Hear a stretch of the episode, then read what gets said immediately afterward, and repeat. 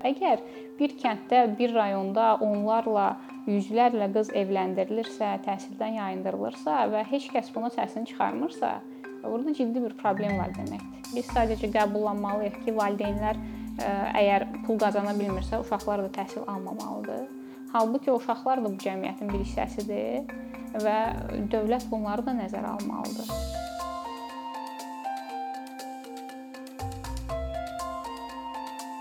Bizə ən çox verilən sual o olur ki, niyə məhz qızlar oxusun seçmisiniz və niyə fokus qrupu qızlardır?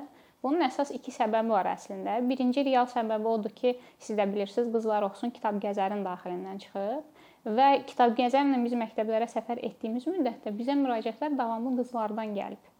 Nəticədə biz o ehtiyacı orada yerindəcə görmüşük. İkinci bir məsələ bu ehtiyaclardan sonra biz üzərində düşünəndə o qərara gəldik ki, Bu gün ölkədə kifayət qədər qadına qarşı zorakılıq halları var, qadın cinayətləri var. Bizim bilmədiyimiz daha çoxdur hətta zorakılıq halları. Çünki o qadınlar susur və onların iqtisadi azadlığı yoxdur. Onlar özlərinə, övladlarına baxacaq potensiallı deyillər hal-hazırda. Biz də uzun müddətli bir həll olaraq bunu düşündük ki, gələcəkdə bu potensial təhlükənin qarşısını almaq üçün nə etmək olar? Bu günün qızlarına onların təhsilinə dəstək verək, onların karyera planlamasına dəstək verək. Yeri gələndə biz onlara psixoloji, hüquqi dəstək də veririk. Yaşadıkları problemlə bağlı yox, gələcəkdə yaşayacaqları problemlə bağlı biz onları elə bil ki, gələcəyə hazırlayırıq. Əsas fokus qrupumuz həm şagirdlərdir, məktəbli qızlar, həm də tələbə qızlardır. Hətta universiteti bitirmiş bəzi yeni bitirmiş qızlar üçün də bizim xüsusi proqramlarımız olur. Məsələn, proqramlaşdırma öyrətdiyimiz proqramlar, indi bir data analitika ilə bağlı bir proqramımız başlayacaq. Maksimum çalışdığımız odur ki, bu qızlara öz ayaqları üstündə duracaq potensialı, şəraiti və mühiti verək. İnsanlar düşünür ki, artıq ölkədə gender bərabərliyi ilə bağlı çoxlu layihələr gedir, qadına qarşı zorakılıqla bağlı, qızlarla bağlı, amma reallıqda biz işin içində olan insanlar olaraq Mən bunu deyə bilərəm ki, sırf qızlarınla təhsili, qızların təhsilinə dəstəklə bağlı layihələri saysaq, bir əlin barmağını keçməyəcək qədərdir. Yəni 10 milyonluq ölkə üçün hansı ki, bu layihələr də öz təşəbbüsləri ilə yaradılmış layihələrdir. Resursları limitlidir, biz daxil. Və biz seçim prosesi aparırıq məcburən. Tutaq ki, məktəbli qızları qəbul edərkən biz ilkin müraciət 161 nəfərin müraciətini qəbul eləmişdik. Amma biz məcburuq ki, onların arasından seçək. Ona görə yox ki, məsələn, potensialı ən yüksək olanı və s. biz çalışırıq ki, e, vəziyyət ən çətin olanları seçək. Çünki resurslar azdır. Nəticədə bu gün kimsə deyəndə ki, niyə məhz qızlar və niyə e, hamı bu problemlə bağlı nəsə eləməyə çalışır? Hamı nəsə etməyə çalışsa da biz çatmırıq. Çünki say çoxdur, problem çox böyükdür, gözlə görünməyən dərəcədə ciddi problemdir və siz nəyəsə başladıkca müraciətlər get-gedə çoxalır. Bu il ərzində biz nə qədər müraciət almışıq? Qızların universitet təhsil haqqını ödəyə bilməməklərindən bağlı. Hətta qızlar sırf universitetə gedə biləcək. Ola bilər ki, dövlət hesabına təhsil alır, amma bəsit maddi ehtiyacları belə qarşılamaq üçün o ailələrin, o qızların dəstəyə ehtiyacı var. Bütün bu problemləri görə-görə də biz qızlar oxusun çərçivəsində hər il daxilindəki proqramlar çoxalır. Əvvəl sadəcə məktəbli qızlara fokuslanırdıq, sonra tələbə qızlara fokuslanmağa başladıq. Tələbə qızlar üçün gördük ki, mentorluq proqramı da kifayət eləmir. Başladıq sırf təhsil haqqı ödənişləri ilə bağlı müəyyən kampaniyalar aparmaq.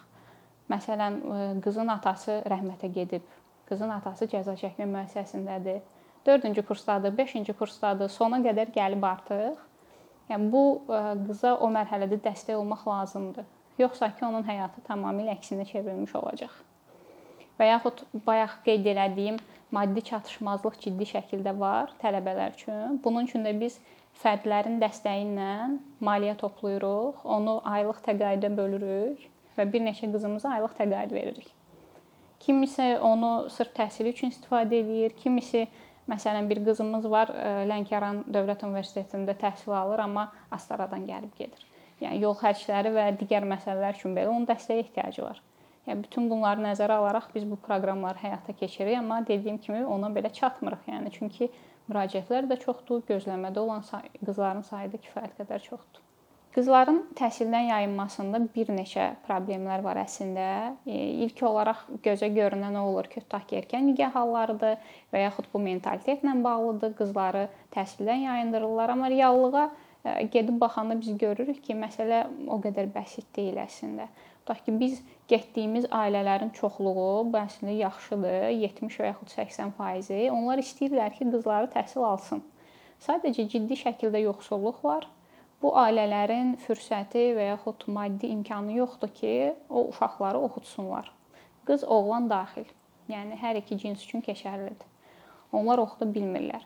Bir də bunun yanında bəzi ailələrdə o mental düşüncə də için içərisinə qarışanda onlar düşünür ki, tutaq ki, mənim qız övladım da var, oğlan övladım da var. Qız övladım onsuz da evlənəcək, başqa bir evə gedəcək, oğlan mənlə qalacaq. Qoy elə onu oxudum, gələcəyi yatırım kimi onu görürlər məsəl üçün. Digər tərəfdən başqa bir səbəb əlbəttə ki, bu dediyimiz erkən nigah halları da var. Ciddi şəkildə var. Müəyyən ucqar yerlərdə, xüsusilə mərkəzdən uzaq yerlərdə. Bunun da bir bir neçə yenə səbəbi var. Birincisi artıq bu məsələ həmin yerdə normallaşıb. Uşaq üçün, valideynlər üçün, ətraf üçün hər şey normaldır, belə də olmalıdır. İkinci məsələ bu normallaşmada artıq ortaya girir müəllimlərin, direktorların, hətta o kənd bələdiyyələrinin və s. hamısının rolu ortaya çıxır. Onlar üçün də artıq bu normallaşıb. Sanki belə də olmalıymış. Halbuki bu belə olmalı deyil. Bu birbaşa cinayətdir. O uşaq 9-cu sinifə qədər, 11-ci sinifə qədər təhsilini davam etdirmək onun hüququdur. Və məktəbin də öhdəliyidir ki, az yaşlını əgər erkən nigaha məruz qalırsa, təhsildən yayındırılırsa, bunun araşdırmasını etməlidir. Bunu lazımi digər orqanlara bildirməlidir. Bir tərəfdən bunu normallaşma kimi qəbul eləyirlər, digər tərəfdən sadəcə özlərini pis eləmək istəmirlər. Kimləsə üz-üzə gəlmək istəmirlər.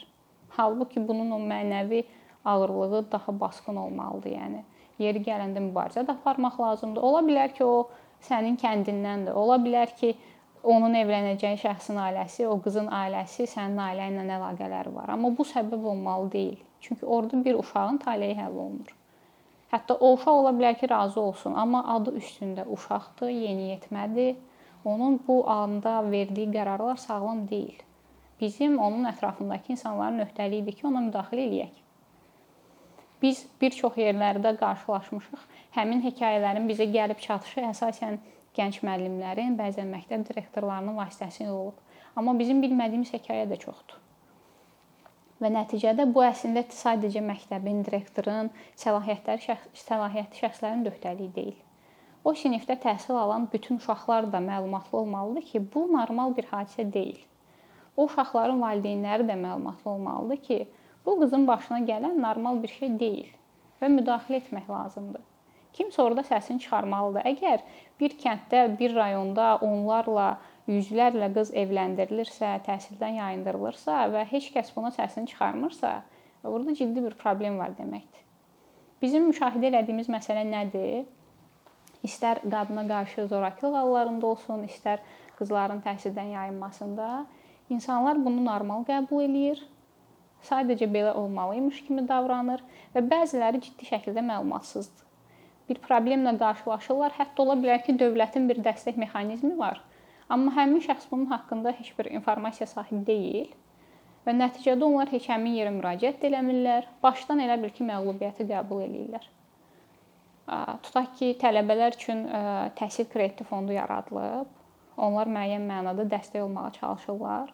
Amma bir çox ailə müraciət etmir. Ya məlumatsızdırlar, ya əlində kredit olduğu üçün ciddi şəkildə bir güvənsizlik məsələsi var. Bunları gözə alaraq mütəmadi maarifləndirmə işləri aparmaq lazımdır. Biz bununla bağlı ə, hardasa 1-2 həftə ərzində bir elan verəcəyik. Regional icma liderlərinin yetişdirilməsi və onların fəaliyyəti ilə bağlı. Və məhz o liderlərin əsas funksiyası ondan ibarət olacaq ki, müəyyən təlimlərdən keçəcəklər, onların bir fəaliyyət planları olacaq və öz rayonlarında, öz kəndlərində müəyyən sosial kampaniyalar aparacaqlar, maarifləndirmə görüşləri eləyəcəklər, səlahiyyətli şəxslərlə görüşəcəklər. Biz bunu etməyə cari halda məcburuq, çünki komanda sadəcə Bakıda hərəkət etməklə bu problemi həll edə bilməz. Gedib insanlarla yerindəcə görüşmək lazımdır.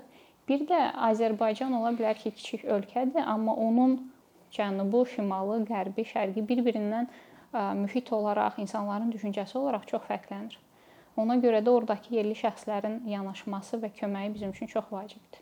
Biz niyə regional nümayəndələrin inkişafına və onları cəlb etməyə çox maraqlıyıq? Çünki 3 ildən artıqdır ki, bir neçə sosial layihəni həyata keçiririk və bizim yerli həmin ərazilərdə uğurlu olma səbəbimiz məhz o şəxslərin dəstəyi ilə olub. Birinci məsələ odur ki, problemləri, oranın adət-ənənəsini, bütün səbəb və nəticələri onlar daha yaxşı bilirlər. Dəyərləri həmin insanlarla üst-üstə düşür. Biz ola bilər ki, hamımız Azərbaycanlıyıq, amma dediyim kimi böyüdüyümüz mühitlər bir-birindən fərqlənir. Və mən bu gün Fatma olaraq həyatımda 2-3 dəfə getdiyim bir rayona, heç vaxt getmədiyim bir kəndə gedib insanların güvənini qazanmağım çox çətindir. Halbuki o insanlar o mühitdə böyüyüb, eyni şeyləri yeyiblər, eyni dərdlərlə mübarizə aparıblar və artıq onlar arasında bir bağ var. Nəticədə biz digər layihələrdə də insanların güvənini qazana bilmək üçün həmin yerli nümayəndələrin dəstəyini həmişə cəlb etməyə çalışmışıq. Digər bir məsələ odur ki, biz müəyyən yerlərə gedib gəlirik, amma sadəcə gedib gəlirik və Orda keçirdiyimiz zaman, insanlara ayırdığımız zaman onları dinləyə bilmək, problemləri yerindəcə müşahidə etmək üçün çox fürsətimiz və zamanımız olmur. Amma yerli nümayəndələr onlar orada yaşayırlar. Onlar insanları daha çox dinləyə bilirlər, özləri də o problemlərlə üz-üzə gəlirlər və həll təkliflərini də onlar irəli sürəndə daha effektiv olur. Çünki onlar bilirlər ki, mən deyə bilərəm ki, filan həll təklifi çox yaxşıdır Amma başqa bir rayonda bu həll təklifi işləməyə bilər. Çünki insanların dəyərlərinə uyğun gəlməyə bilər.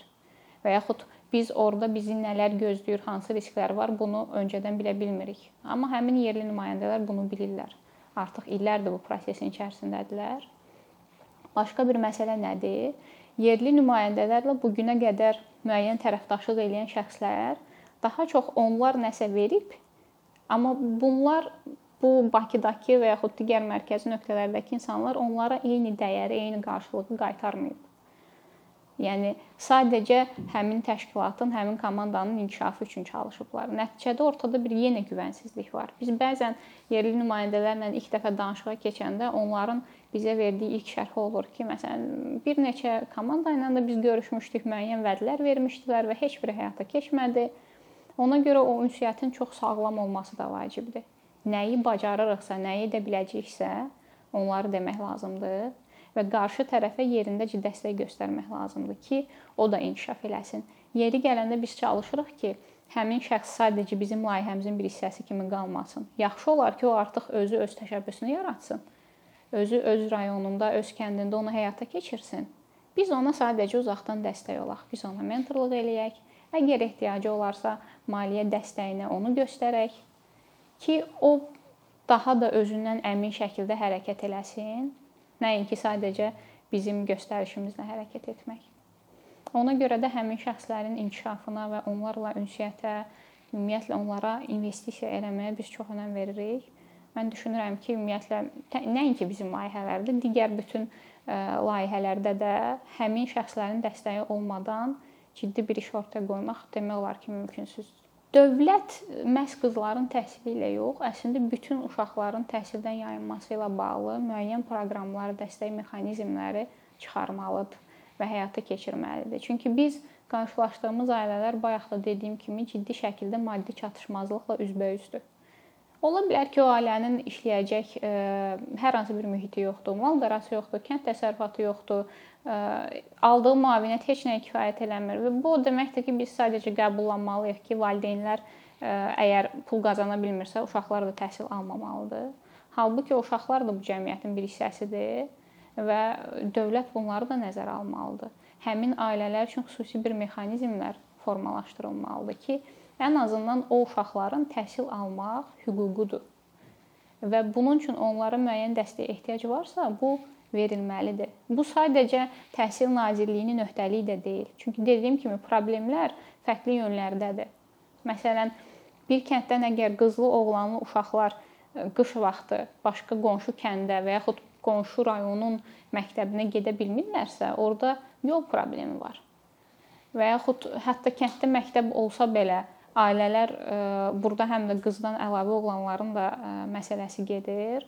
Uşaqlar işləməyə aşağı yaşdan başlayırlarsa, bu o deməkdir ki, orada ciddi şəkildə işsizlik problemi var. Bu məsələləri də aydınlaşdırmaq lazımdır. Digər tərəfdən biz nə ilə qarşılaşırıq? Yenə məlumatsızlıq. Ailə əslində dövlətdən bir müavinət ala bilər, sosial müavinət. Sadəcə o qədər məlumatsızdır ki, hara necə müraciət eləyəcəyini belə bilmir. Və bəzən biz şərtlərə baxanda hansısa proqramların, hansısa müavinətlərin orada o qədər detallı yazılır ki, tutaq ki, bir ailənin ümumiyyətlə mal qarası olmamalıdır, əkin sahəsi olmamalıdır. Halbuki reallıqda biz bilirik ki, hətta o ailənin bir heyvanı olsa belə, iki heyvanı olsa belə, müəyyən bir əkin sahəsi olsa belə, onun 2 uşağı, 3 uşağı, 4 uşağı, 5, 6 uşaqlı ailələr var. O uşaqları oxutmağı mümkün deyil.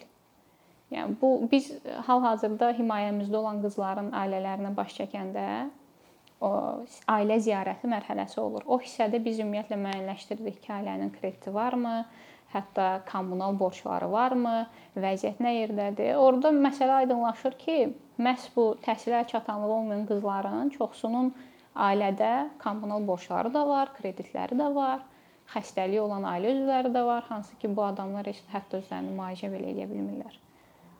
Nəticədə o təhsildən yayınma görünəndir, arxa planda görürsüz nə qədər problem var. Və bu sadəcə bir dövlət qurumunun təklif elədiyi həllərlə e, həll olacaq bir məsələ deyil. Yəni bunu ciddi şəkildə oturub müzakirə etmək lazımdır ki, ölkədə bir də ciddi bir problem var. Və get-gedə e, əgər tutaq ki, qiymət artımı olursa, insanlar qidanı belə almağa əl çatan deyilsə, burada nəsə eləmək lazımdır. Çünki prioritet olaraq onlar təhsili görməyəcəklər əlbəttə ki, evinin isitməyi görəcək, qidalanmağı görəcək.